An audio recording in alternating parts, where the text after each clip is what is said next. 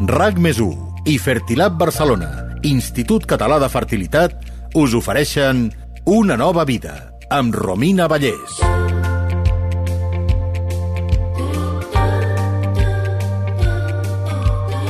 El càncer és una de les principals causes de mortalitat als països d'ingressos elevats, només per darrere de la cardiopatia isquèmica, l'Alzheimer o els accidents cerebrovasculars.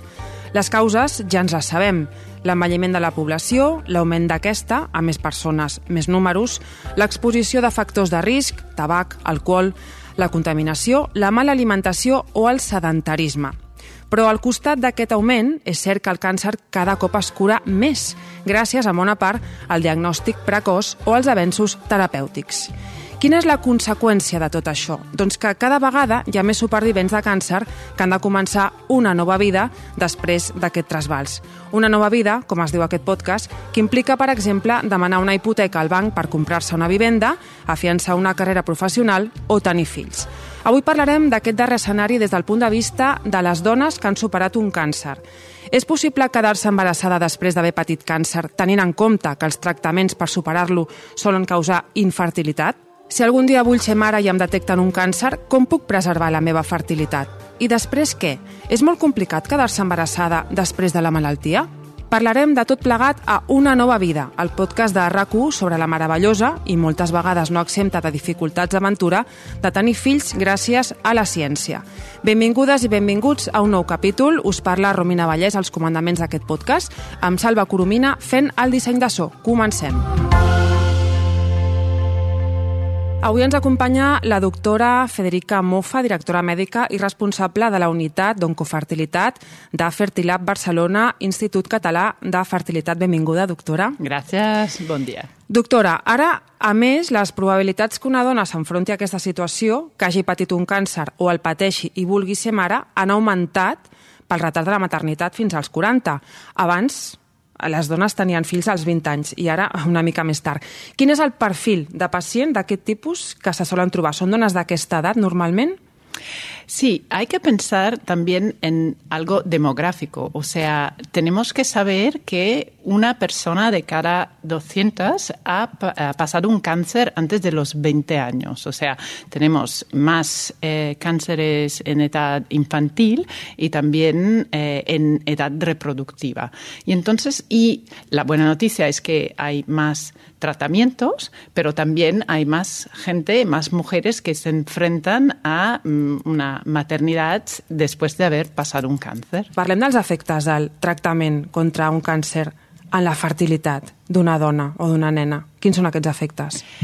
Depende del tratamiento, eh, pero hay tratamientos de quimioterapia y de radioterapia pélvica, por ejemplo, o la radioterapia total body eh, que hacen, por ejemplo, las niñas que tienen una leucemia o un cáncer hematológico, eh, son de todo el cuerpo para, digamos, liberar del cáncer y hacer un trasplante de médula. Son tan agresivos los tratamientos que, por suerte, se curan más del 80% ¿eh? de las niñas. Entonces tienen una esperanza de vida altísima, pero al mismo tiempo estos tratamientos son tan agresivos que las dejarán completamente estériles. No van a tener una pubertad espontánea. Le tendremos que dar hormonas y o cuando tengan la edad le haremos el trasplante de su propio ovario para uh -huh. recuperar la fertilidad. Pero si no, eh, se, se queden estèriles. I en el cas de les dones adultes, quins efectes tenen aquests tractaments? També suposo que depèn del càncer... Exacto. Depende del tipo y de la dosis de tratamiento. En una mujer adulta, eh, el efecto, eh, digamos, sobre la fertilidad eh, depende también de la edad de la paciente, porque cuanto más mayores nos hacemos, o sea, cuando si nos acercamos a los 40, por ejemplo, nuestra reserva ovárica de por sí es un poco más baja y se recibimos un tratamiento que se llama gonadotóxico, ¿eh? que es tóxico para las gónadas. Uh -huh. Entonces ahí sí que podemos también entrar en una menopausia mm, iatrógena, ¿no? O sea, causada por la medicación. Quan a una dona se li diagnostica un tumor a dia d'avui, sí o sí se la informa de les opcions que té per preservar la seva fertilitat? Quin protocol, a l'hora d'informar, se li dona? Hoy día hay mucha más conciencia de esto. Entonces, eh, las unidades de oncología casi siempre o deberían trabajar en colaboración con la unidad de oncofertilidad para mm, dar información a la paciente, definir las opciones y evidentemente hay que encuadrar la paciente y también a través de un asesoramiento psicológico. Sí. Per tant, dins les unitats d'oncologia ja s'han integrat especialistes en reproducció i en psicologia també? Sí, a veces no son no están integrados dentro de las unidades. No es que cada unidad de oncología tenga un especialista en reproducción, porque eso es, complicado, pero sí que hay eh, redes de, eh, de profesionales que tienen que trabajar en multidisciplinariedad, ¿no? Para poder dar respuestas. Entonces, el oncólogo o la unidad de oncología estará en contacto con la unidad de oncofertilidad, que igual no está dentro, no está integrada, pero sí que hay un hilo directo porque és urgente. Quan passa és urgente. És urgent, però de vegades és, és molt urgent, quan el càncer és més agressiu. Llavors, com és el protocol mèdic a partir del diagnòstic d'una persona que vol preservar la seva fertilitat i li diuen, mira, tens un càncer i és molt agressiu o no, ¿eh? ¿Quién es el protocolo médico que? Hay que definir muy bien el diagnóstico, saber eh, cuál es el protocolo terapéutico para curar el cáncer que se va a empezar. Entonces, si la paciente tiene que pasar una cirugía, una quimioterapia, una radioterapia, tenemos que tener en cuenta la edad de la paciente y su reserva ovárica. Entonces, el oncólogo y el especialista en fertilidad se hablarán y en función de estos diferentes parámetros decidirán si tienen tiempo para hacer una estimulación ovárica y preservar ovocitos, o si, por ejemplo, hay otras opciones como más rápidas, como la preservación del tejido ovárico. Li anem a preguntar ara per les opcions. És a dir, aquestes són les dues opcions, eh? o ens eh, congelem òvuls o preservem teixit ovàric. Existiría también la opción de preservar embriones, que sería hacer el mismo protocolo que hacemos para la preservación de óvulos, pero fecundar los óvulos con el semen de una pareja. Mm, normalmente esta opción hoy día no se aplica mucho porque mm, no sabemos eh, luego mm, si la paciente, o sea, es mejor preservar ovocitos o gametos que la propia mujer, una vez curado el cáncer, decidirá ella, ¿no? Como... ¿Y, teixit ovari? ¿Cómo funciona? ¿En qué consiste? La opción del tejido ovárico eh, se aplica, por ejemplo, por defecto en eh, niñas eh, antes de la pubertad, porque evidentemente cuando tenemos un diagnóstico de cáncer en edad pediátrica no podemos estimular y hacer una, una punción ovárica. Entonces, el tejido ovárico sobre todo se aplica en niñas, pero también cuando no tenemos tiempo de estimular o cuando el tumor es sensible a las hormonas. Y entonces el oncólogo nos dice, no, no, esta paciente, o sea, mm, yo no la puedo, no, la podéis estimular. Entonces los eh, especialistas en reproducción tenemos la opción de la preservación de tejido. Ara m'ho deia vostè, en el cas que sigui una nena. En aquest cas de pacients pediàtrics, què se'ls explica als familiars que es pregunten si realment val la pena arribar a fer un procediment tan invasiu? Esta pregunta eh, eh, es muy importante. Em, personalmente yo he trabajado años en una unidad de fertilidad, de oncofertilidad, con pacientes pediátricas en, en Bélgica, donde eh, el counseling con los padres es fundamental. Como primero, los padres tienen que saber cuál es la esperanza de curación y de vida de, de la niña y mm, también saber que el procedimiento se hace a través de una laparoscopia, de forma eh, que mm, asociando normalmente una intervención que ya estaba programada, por ejemplo, para posicionar un catéter, para que sigui menys invasiu, no sigui una, una altra intervenció independent. Exacto. Entonces se aprovecha una anestesia y con una laparoscopia se hace un, un, sí, una extracción de tejido o normalmente cuando son muy pequeñas de un ovario entero.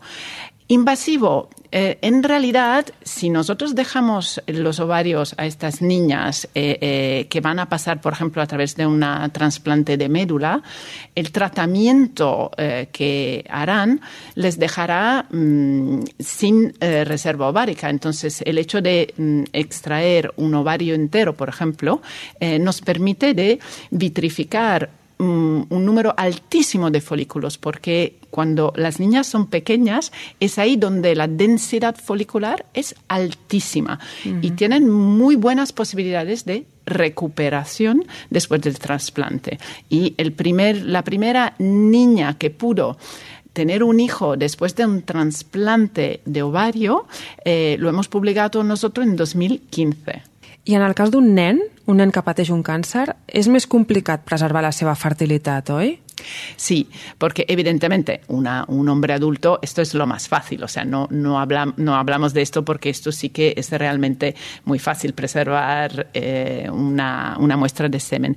Los niños, eh, el tejido testicular de momento es como mm, muy, mucho más complicado. No existen casos de eh, niños que hayan preservado tejido ovárico donde hayamos podido retransplantar y obtener una eh, recuperación de la fertilidad. Esto todavía no. Ara m'ho avançava a, al futur. Què fem, no? Què fem? Un cop s'ha superat el càncer, quines opcions té la pacient per poder ser mare? Vale.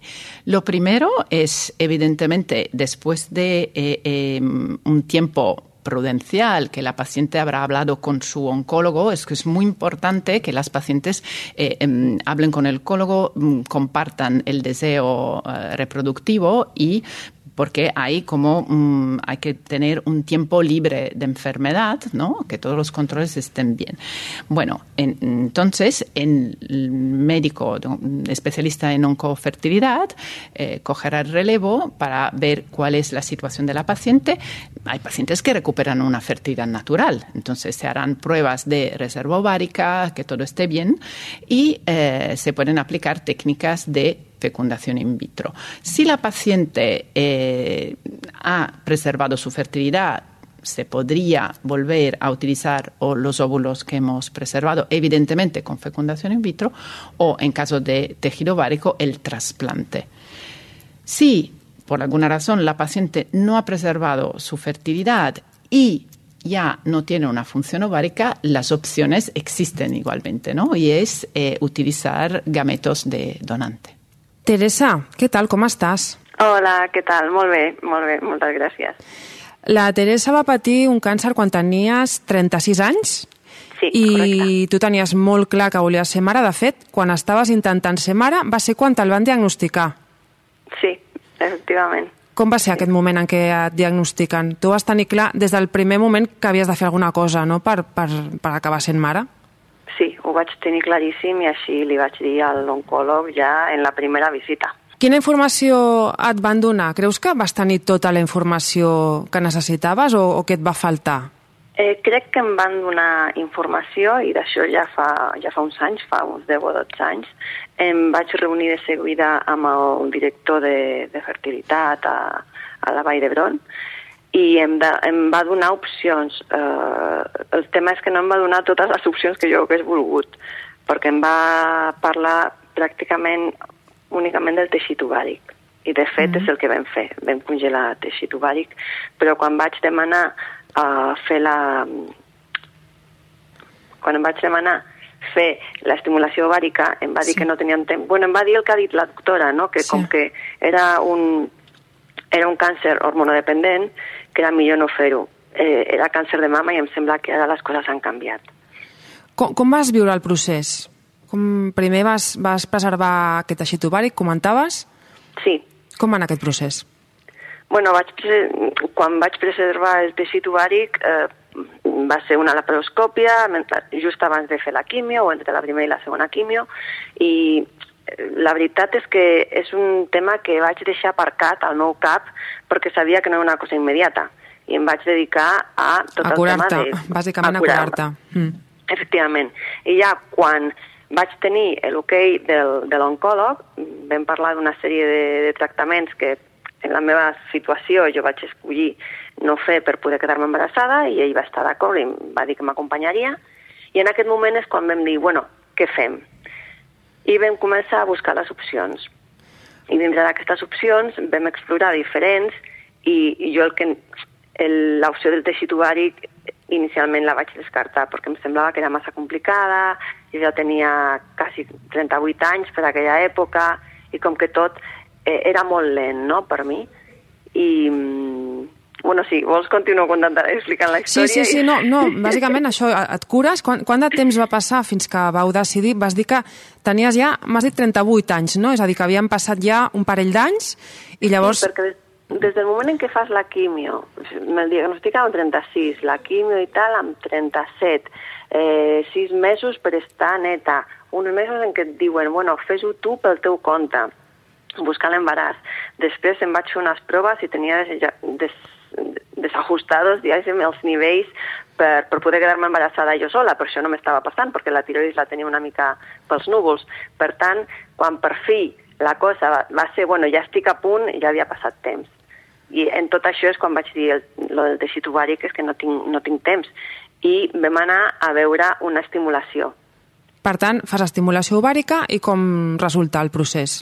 I resulta bé. En el meu cas, funciona, resulta bé i em vaig quedar embarassada. En tot aquest procés, sí que des del moment en què vaig veure clar que em volia quedar embarassada una vegada superat el tractament, um, els, el, el ginecòleg expert en oncologia sí que em va dir si això no surt, tens l'opció de donació d'òvuls, que és una molt bona opció i fins i tot la donació d'embrions, però em va parlar molt de la donació d'òvuls. Jo en aquest moment no estava preparada per sentir-ho, perquè portava moltes emocions a sobre, no? Sobretot, bueno, primer em vull curar jo, eh, vale, ja m'he mm. curat, ara, emocionalment era, era dur i, i costa d'assimilar.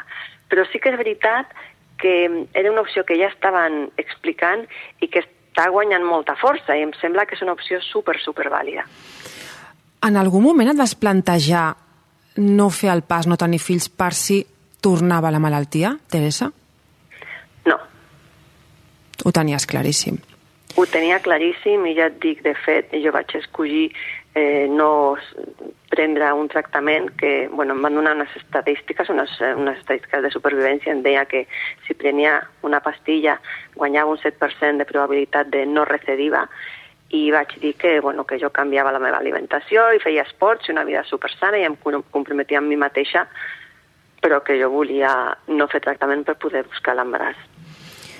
Avui també ens acompanya a l'estudi, ha vingut fins aquí la Laia, en la història de la qual podríem qualificar de miracle.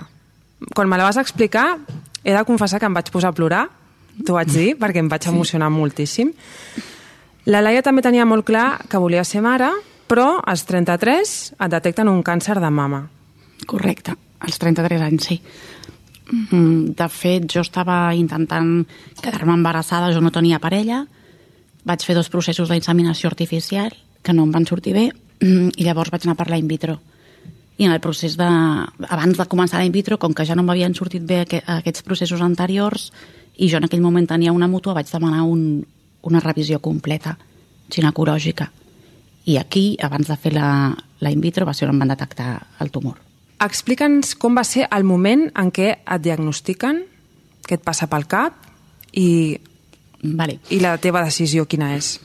El moment que em diagnostiquen eh, va ser una mica estrany perquè els resultats aquests de, de, la, de la punció els vaig haver de recollir a un laboratori on no me'ls van entregar cap doctor. Els vaig recollir una recepció on em van entregar un sobre. Jo em vaig endur a casa un sobre on posava que tenia un carcinoma infiltrant, em sembla, paraula que jo no havia escoltat mai a la vida i que quan vaig llegir, imagina't si estava la inòpia, que no vaig um, identificar com una paraula negativa. I la meva mm. mare em va trucar i em va dir Laia, tens els resultats de la punció? I vaig dir, em sembla que està tot bé. déu nhi O sigui, tu no vas tenir... La informació que va tenir la Teresa, tu no la vas tenir. La vaig tenir el dia següent que vaig anar al clínic. Val. I a partir d'aquí, què fas? Què decideixes fer?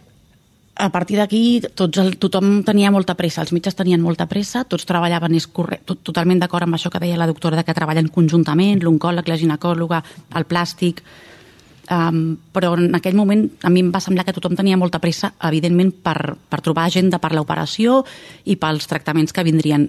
ningú es va plantejar ni ningú em va preguntar si jo volia tenir fills. Jo vaig ser la que el primer dia vaig dir, un moment, que, que jo estic intentant tenir un fill, que vull tenir un fill. Sí, ara t'has de curar. Sí, sí, ara m'he de curar, però m'esteu dient que faré una quimio que em deixarà els ovaris secs, feien servir aquesta paraula. Eh, jo vull tenir un fill. Per mi era molt important. Jo tenia 33 anys i, i per mi era molt important tenir un fill. I llavors, eh, tal com deia la doctora, em van dir que l'única opció que tenia era fer eh, la criopreservació, la, la congelació del teixit ovàric, mm. perquè a mi no se'm podia hormonar degut al, al tumor, amb la qual no es podia fer la congelació d'òvuls, per la qual em sembla que t'has d'hormonar. bueno, sé que t'has d'hormonar, i llavors em van dir que havíem de fer la congelació de teixit ovàric, que el mateix dia que em fessin l'operació de pit, em farien la, la criopreservació, que en principi havia de ser una operació de pit que em traurien un tumor d'un centímetre i es conservaria el pit i em farien la criopreservació i que després va ser una mastectomia. Quant de temps passa fins des d'aquest moment fins que amb el teu oncòleg considereu que estàs curada i que tires endavant amb el procés? Doncs eh, això va ser el febrer del 2014 i uns tres anys després jo és que era molt pesada, saps? amb la ginecòloga, amb la doctora, amb la doctora quan podrem? I em deia, val, un moment, Laia, espera't, el control... Evidentment em van fer control ginecològic, els ovaris mm, em deien que era molt difícil que jo em quedés embarassada de forma natural perquè la quimioteràpia és un tractament molt agressiu i, i llavors jo estava allà i llavors em sembla que van passar tres anys i pico que em van dir que, que jo estava en llista d'espera per la reimplantació del teixit ovàric i que em trucarien. De totes formes, um, sí que hi havia un doctor al clínic que em deia que, que us, tu intenta-ho, em deia. Jo anava amb el meu marit i em deia, però tu intenta-ho. Llavors que em diuen que els meus ovaris estan secs. Ja, però tu, tu intenta-ho, perquè mai se sap. I mira, amb els ovaris secs, què, què va sortir? amb els ovaris secs em vaig quedar embarassada abans de, abans de que em truquessin per, per la reimplantació. Té 5 anys ara, no, el teu fill? El teu té 5 anys, sí. Una pregunta per les dues, Teresa. Laia, us vau trobar en algun moment amb persones que opinaven que no era bona idea ser mares després de, de patir un càncer? Mm, jo no. No m'hi vaig trobar em vaig trobar amb gent que quan jo tenia el càncer em deien que no em preocupés per tenir un fill en el futur, però en cap moment em vaig trobar a ningú que, que després em digués això. No, no ho sé. I tu, Teresa?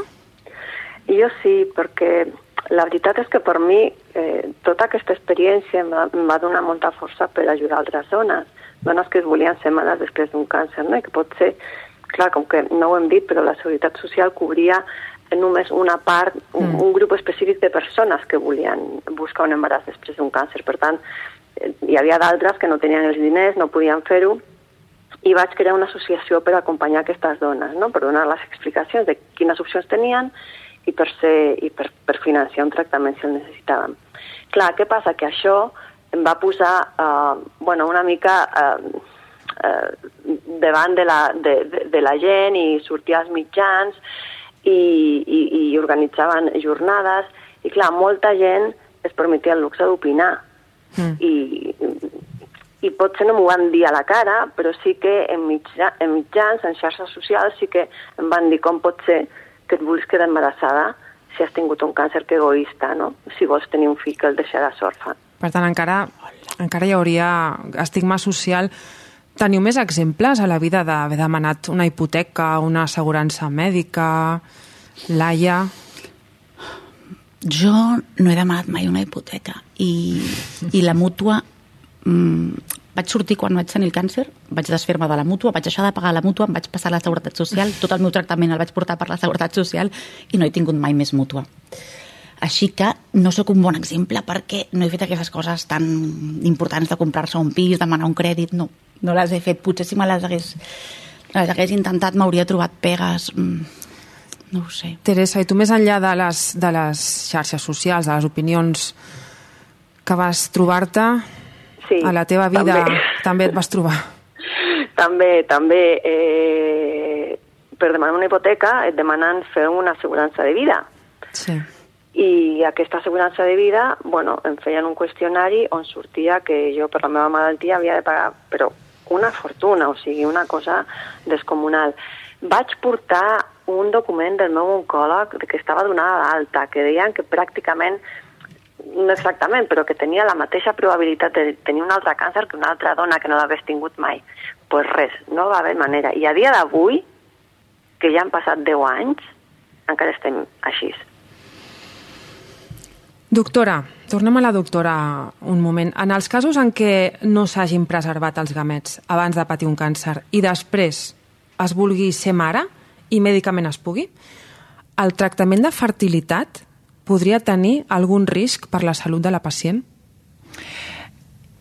Cuando tratamos pacientes que han pasado un cáncer, ahí también hay que hacer eh, un asesoramiento con el especialista de oncofertilidad y eh, el oncólogo. Entonces, eh, se valoran los riesgos, em, también otros riesgos asociados a los tratamientos de fertilidad. Entonces, mm, se valora también si la paciente tiene otras enfermedades como obesidad, hipertensión, riesgo obstétrico en general. Y, em, pero mm, para entender nuestra unidad de oncofertilidad, eh, solamente el 5% de las pacientes que vienen con esta petición mm, no pueden ir adelante con su proyecto. O sea, el 95% estarán aceptadas y podrán intentar el tratamiento. Como hemos dicho, hay dos tipos. Si la paciente todavía tiene una reserva ovárica eh, porque el tratamiento que ha pasado no era tan agresivo y puede hacerlo con sus óvulos, será una estimulación ovárica. Hoy día, por suerte, también pacientes que han tenido un cáncer hormonosensible, como un cáncer de mama, la podemos estimular. Los oncólogos ya son muy, mucho más eh, tolerantes con los especialistas de fertilidad y nos dejan estimular a las pacientes a hacer punción ovárica y fecundación. Si por mala suerte o porque esto, por la edad, la paciente igual mm, ya tiene más de 43, 44 años, eh, entonces la calidad de los óvulos, independientemente del cáncer, ha bajado mucho, podemos eh, hacer tratamiento con donación de óvulos o donación de embriones también. Y todos estos tratamientos se hacen dentro de un marco de seguridad. Eh? ¿Y para nado? Té més riscos un nado d'una mare que ha patit un càncer respecte a d'una mare que no l'ha patit? En principio, en sí por sí, no. Eh, dependerá evidentemente, por ejemplo, hay casos muy específicos cuando la paciente tiene una radioterapia pélvica, entonces el útero también eh, está mm, sometido a un proceso, digamos, eh, terapéutico agresivo, ¿no? Porque mm, hago el ejemplo de cáncer de colon o del recto. Que está a prop tot allà col·locadet. Exacto, entonces uno de los tratamientos es la radioterapia pélvica. Esto sí que por ejemplo, tiene un efecto sobre el útero y entonces estas pacientes tienen un riesgo, por ejemplo, más elevado de parto prematuro. Eh, evidentemente son embarazos que se van a hacer un seguimiento como más eh, estricto.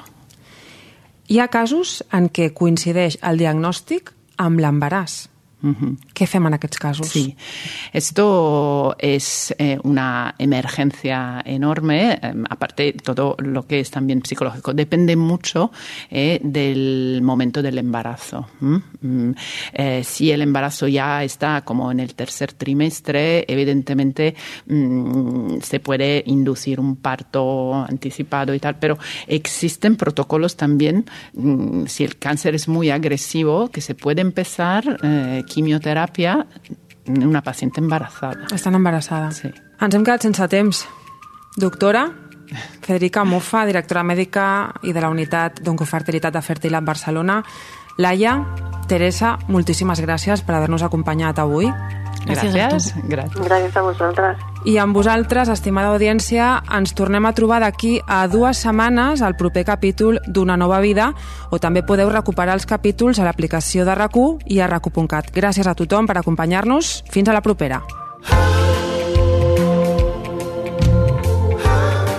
RAC més i Fertilab Barcelona, Institut Català de Fertilitat, us han ofert una nova vida amb Romina Vallès.